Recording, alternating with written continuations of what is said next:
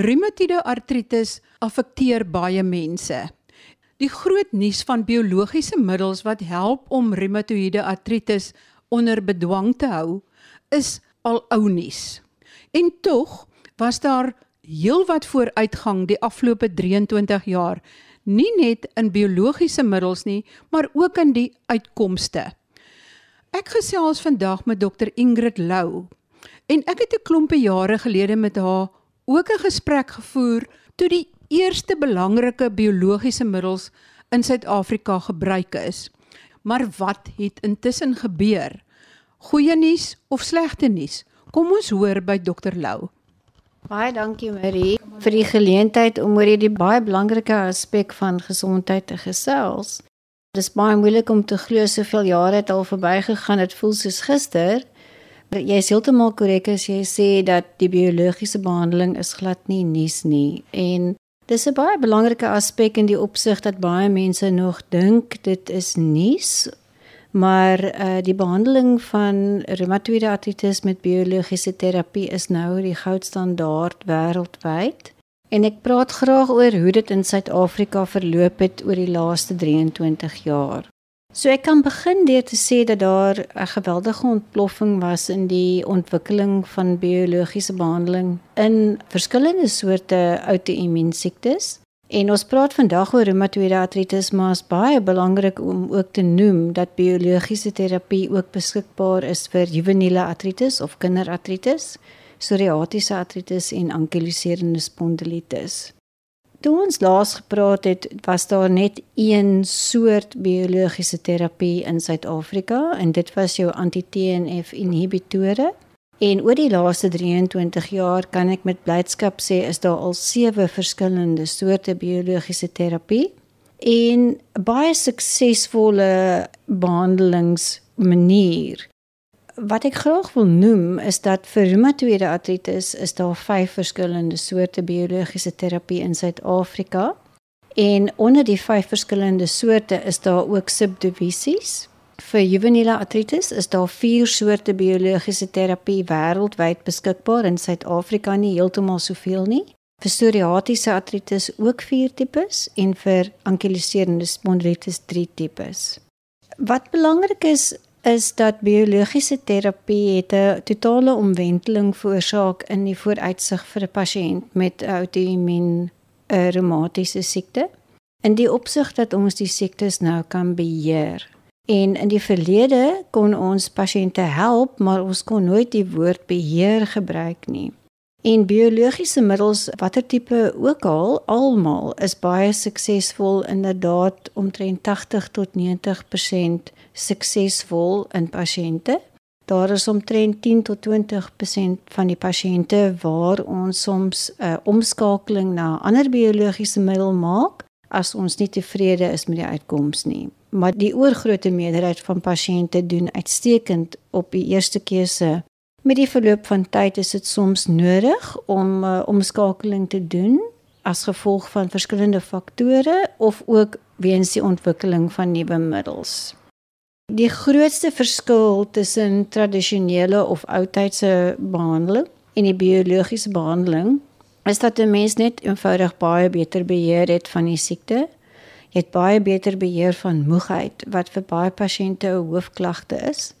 Jy gee vir die pasiënt die beste beskerming teen benige erosies of langtermynskade. En wat baie belangrik is, is jy koop vir die pasiënt hulle lewe terug en hulle lewenskwaliteit. So om op te som, jy hou die persoon wie hulle is en wie hulle wil wees.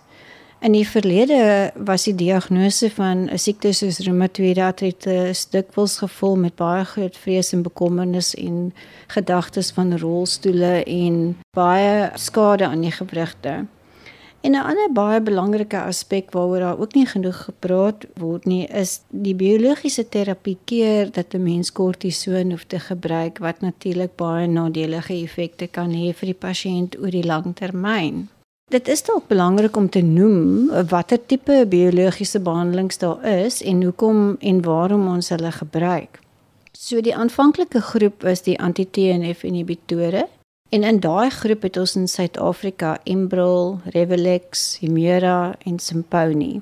Maar wat vir die luisteraars ook baie belangrik is om te weet, is dat ons nou ook biogelyke middels het in Suid-Afrika. Die biogelyke middels is amper soos generiese middels wat al 'n geruime tyd oor see beskikbaar is, maar ook nou in Suid-Afrika.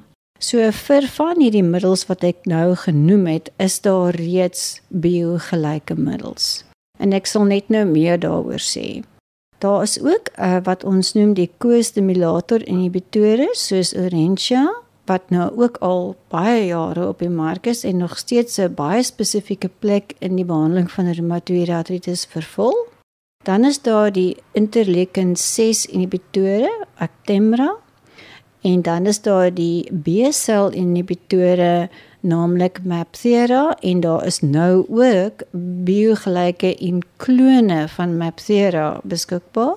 En groot nuus in die behandeling van reumatoïde artritis al vir amper 10 jaar is die klein molekules dit is pille wat oor see wyd gebruik word nou. Hulle inhibeer die JAK ensieme en gelukkig het ons hulle ook nou in Suid-Afrika Op hierdie stadium is daar uh twee van hierdie middels, Xeljanz en Unamity beskikbaar en 'n derde een uh gaan binnekort ook vrygestel word met die naam van Rinwak. Die ander twee tipes uh, biologiese terapie waaroor ek uh, gepraat het aan die begin word gebruik vir psoriatiese artritis en ankylosierende spondylitis.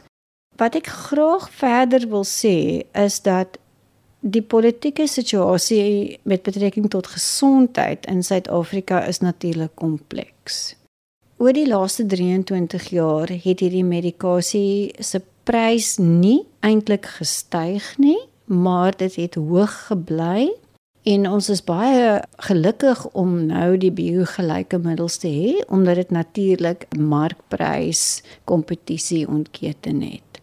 Oor see waar die biogelyke middels op die mark gekom het, het dit outomaties beteken dat die oorspronklike produk se prys geval het en ons sien soortgelyke 'n uh, situasie nou in Suid-Afrika.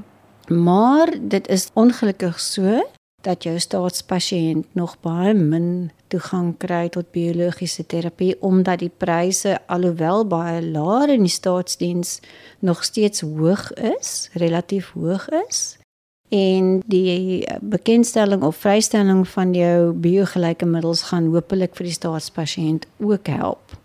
Baie goeie nuus egter is dat kinders met artritis in die staatsdiens gaan definitief biologiese terapie kry. Dit is 'n groot stryd wat ons gewen het in die laaste 23 jaar en dit is absoluut noodsaaklik dat kinders toegang het tot biologiese terapie aangesien dit baie ernstige gevolge vir 'n jong kind het as hulle nie biologiese terapie kan bekom nie.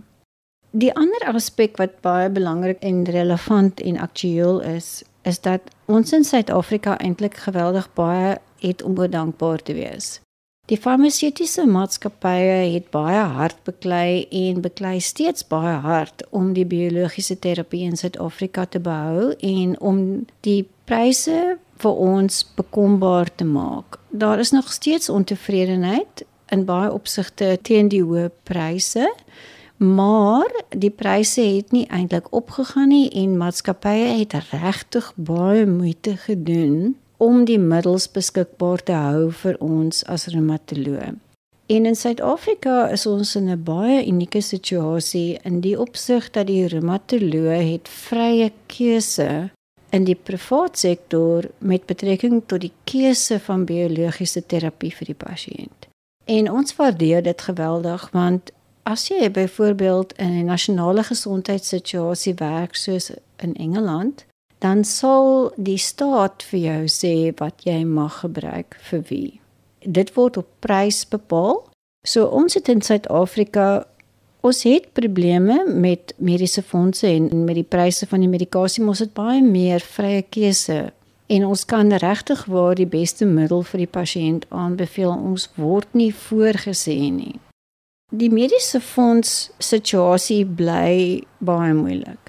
In die opsig dat mense nou op 'n baie duur fonds moet wees om biologiese behandeling te kan kry. En dit het ongelukkig baie moeiliker geraak oor die laaste 23 jaar. Die fondse het uit die aard van die saak baie duurder geword. Met die koms nou van die biogelyke middels het dit ook 'n uh, omwenteling veroorsaak in die opsig dat dit amper goedkoper is om die biogelyke middel te koop as om die fonds te betaal.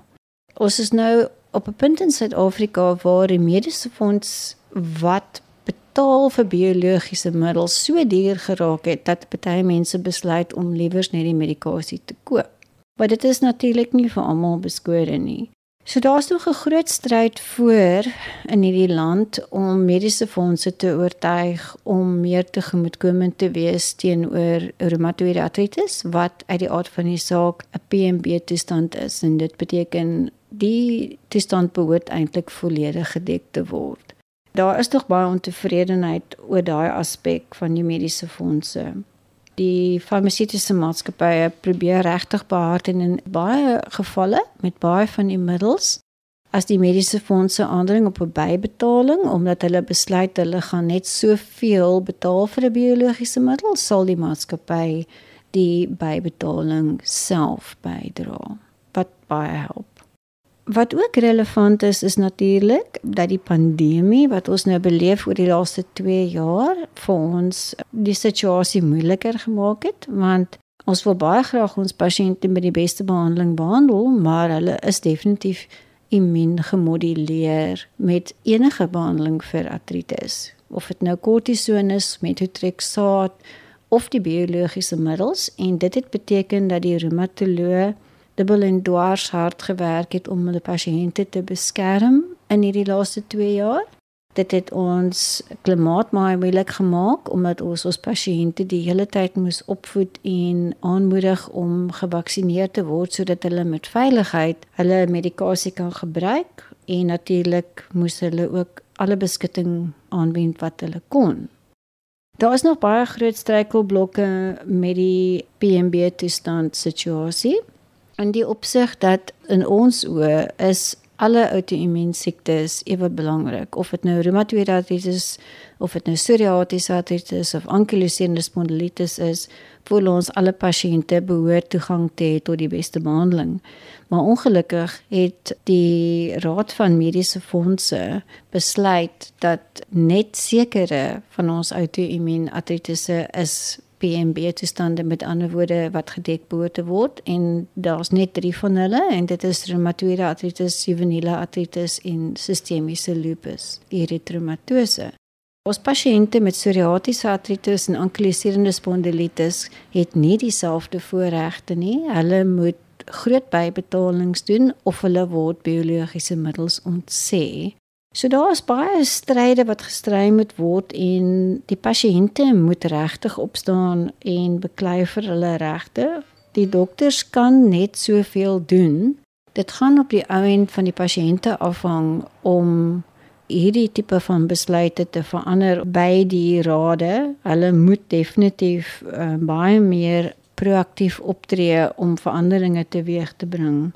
Per slot van sake is die mediese fondse kontrak tussen die pasiënt en die maatskappy en die dokter het nie veel sê daar nie. Ons beklei waar ons kan om sekere dinge te verander, maar ons is ook in 'n moeilike situasie omdat nasionale gesondheid vir ons baie onsekerhede inhou indien dit sou plaasvind. Ons is bekommerd dat nasionale gesondheid biologiese middels dalk gaan ontsê of baie moeilik beskikbaar gaan maak.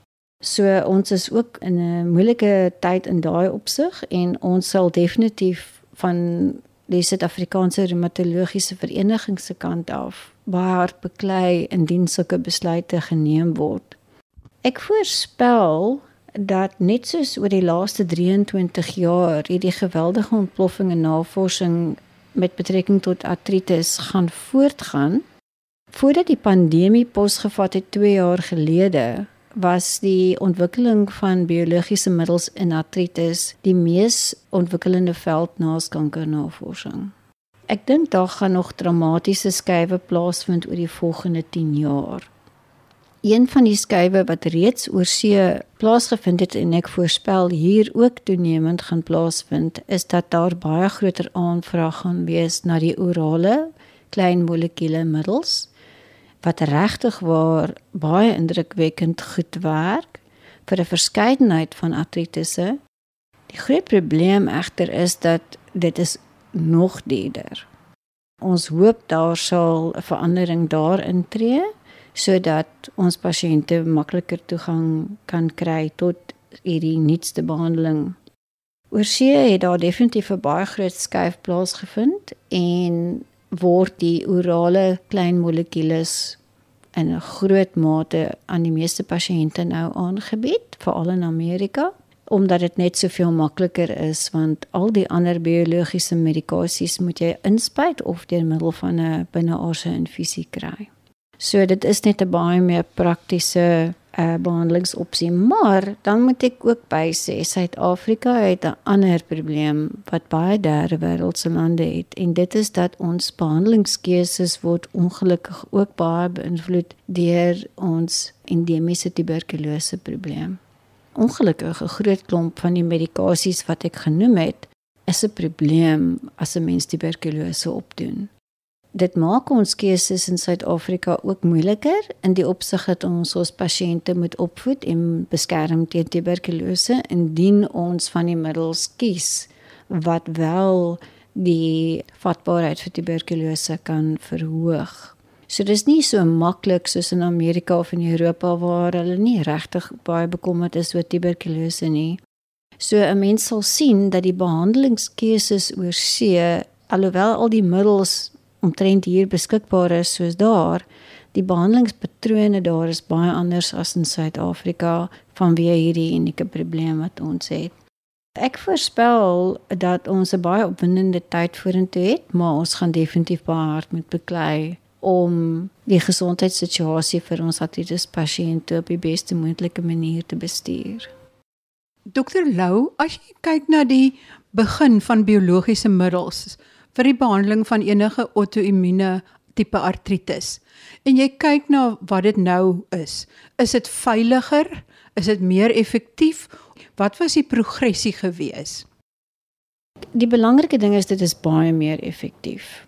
'n Mens gaan net eenvoudig nooit op die ou tradisionele middels die tipe van beheer sien wat jy sien met biologiese behandeling nie.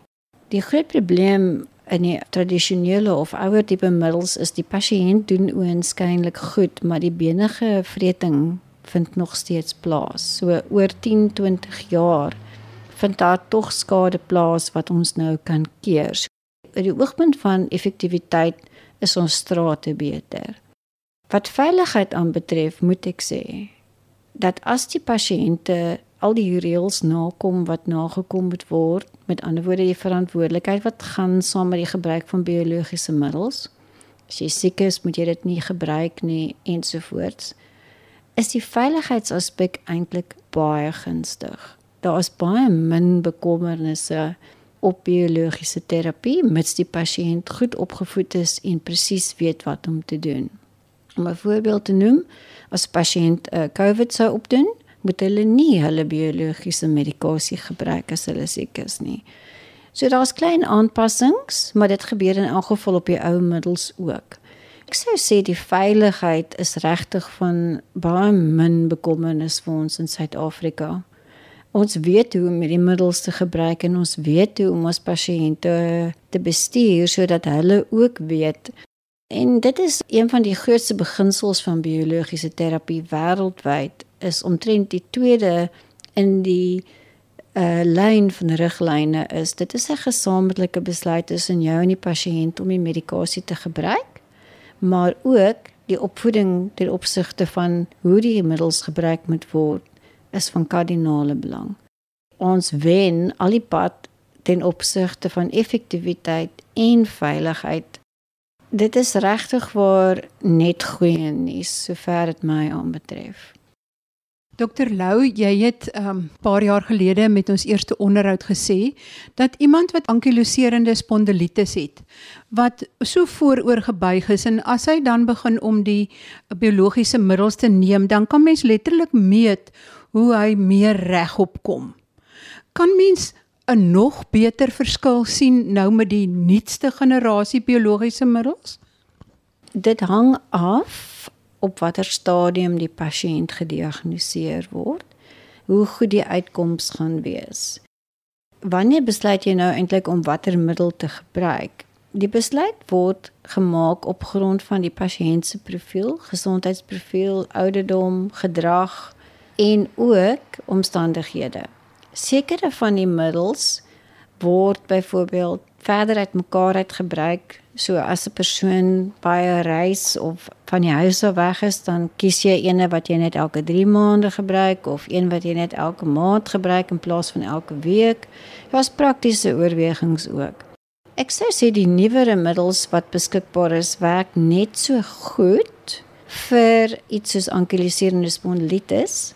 Daar is klein veranderings. Met ander woorde, as jy byvoorbeeld met jou eerste groep biologiese middels nie die resultaat kry waarvoor jy soek nie, is dit absoluut 'n goeie idee om om te skakel na een van die ander middels en te kyk of dit vir daardie spesifieke pasiënt beter gaan werk. Maar oorgens sou ek sê hulle is almal ewe effektief. Ek sou glad nie sê dat die eerste groep middels wat uitgekom het nie nog steeds staatmakers is nie vir die eerste klompie middels, ek weet een van die gevare of dinge wat julle oor bekommerd was, is dat mense dalk sekere ander siektes kan kry. Is daai risiko nog steeds so hoog of is julle nou in staat om dit beter te bestuur? Die verloop van tyd is altyd 'n baie goeie ding met medikasie en aanvanklik was daar natuurlik bekommernisse omdat ons net eenvoudig nie geweet het nie. Ons het nou 23 jaar se ondervinding met die eerste soort biologiese middels en die baie goeie nuus is dat daar eintlik baie min rooi ligte flits. Een van die dinge waarvoor ons wel moet uitkyk is velkankers. Ons sê vir die pasiënte, hulle moet versigtig wees, hulle moet maar hulle vel dophou. So daar is 'n effens verhoogde insidensie van meer velkankers en natuurlik die risiko vir tuberkulose bly daar. Dit is die grootste bekommernisse. Die ander bekommernisse wat ons gehad het oor soliede orgaantumore byvoorbeeld, het regtig waar oor tyd verdwyn. Daar is om die waarheid te sê nou nie meer 'n risiko in 'n groter opsig as wat mense sou verwag in die normale bevolking nie. En daar het ook 'n skuif plaasgevind aanvanklik het ons nie geweet of uh, pasiënte wat swanger wil word of swanger is, die, die eerste groep medikasie mag gebruik nie en nou weet ons hulle kan. Daar het definitief baie meer goeie nuus uitgekom en baie min slegter nuus, maar elke middel moet vir daardie pasiënt geskoei word. Met ander woorde, daar is sekere middels wat jy vir sekere mense nie sal gee nie. Jy sal byvoorbeeld nie vir mense in hartversaking sekere middels gee nie jy sal ander keuses moet maak. Eintlik net goeie nuus, minder slegte nuus as aanvanklik oorbekommerd was. Een van die belangrikste boodskappe is dat pasiënte moet asseblief verantwoordelikheid neem om ook te beklei vir hulle regte. Dokters beklei so hard as wat ons kan, maar op die ou end gaan die pasiënte die verskil maak en Dit sou baie goed wees vir pasiënte om hulle self te organiseer sodat hulle 'n groot groep kan wees wanneer hulle byvoorbeeld die raad van mediese fondse sou wou gaan spreek of as hulle byvoorbeeld met groot mediese fondse wil beklei. Ek dink daar moet veranderinge gebeur en gelukkig gebeur dit ook half van self met die aanvang van biogelyke middels en klone wat kom. Dit help geweldig, maar die medikasie bly steeds baie duur. Die goedkoopste een op die oomblik is omtrent R4000 'n maand nog steeds. So dit is nie maklik vir mense om dit sommer te koop nie. Daar's nog baie redes vir mense om hoop te hê en ook om verder te beklei.